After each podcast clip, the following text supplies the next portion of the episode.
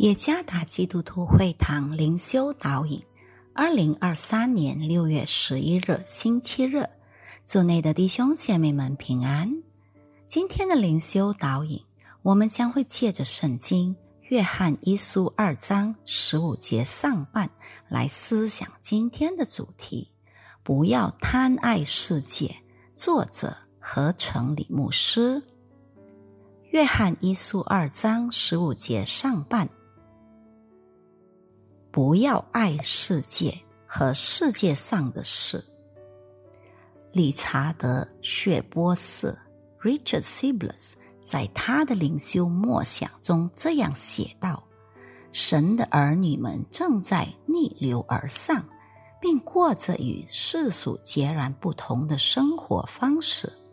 尽管他们生活在人群中，与世人过着一样的生活。”然而，借着圣灵持续的带领，与世人背道而驰。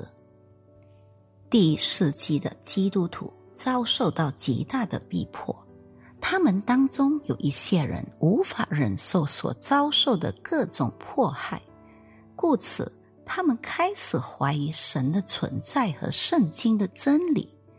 他们被诱惑去跟从假师傅的教导，认为。肉体不重要，忽视了道德，追求那些能使他们灵魂脱离并朽坏的身体的知识。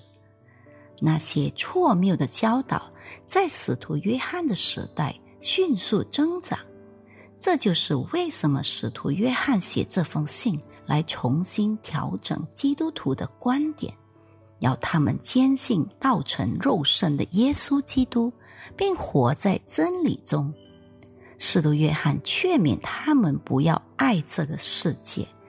这里的“爱”一词可以解释为将世界上的一切都纳入其中，包括把错谬的教义看为真理的标准。他们不再相信基督，却享受最终之乐。通过各种错谬的教导，努力使灵魂与身体分开。从这些行动就可以看出，他们更爱世界。我们周围也流传着许多错谬的教义，例如关于救恩的教义。他教导说，仅仅靠基督十字架的工作是不够的。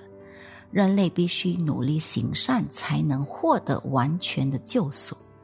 除此以外，有的还强调蒙恩的教义，那就是所有的罪都已被赦免了。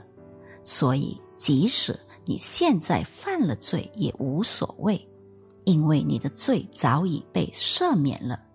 这种教义没有教导真正悔改的意义，更不用说。上帝的祝福是按照人亲近上帝的努力而赐予的教义，那些都是世俗的教义，来竭力抵挡上帝。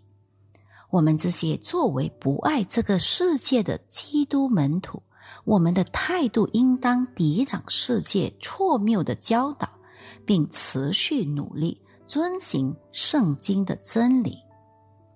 真正的基督门徒总是让自己被圣经里的真理来光照，而不再爱这个充满幻梦的世界。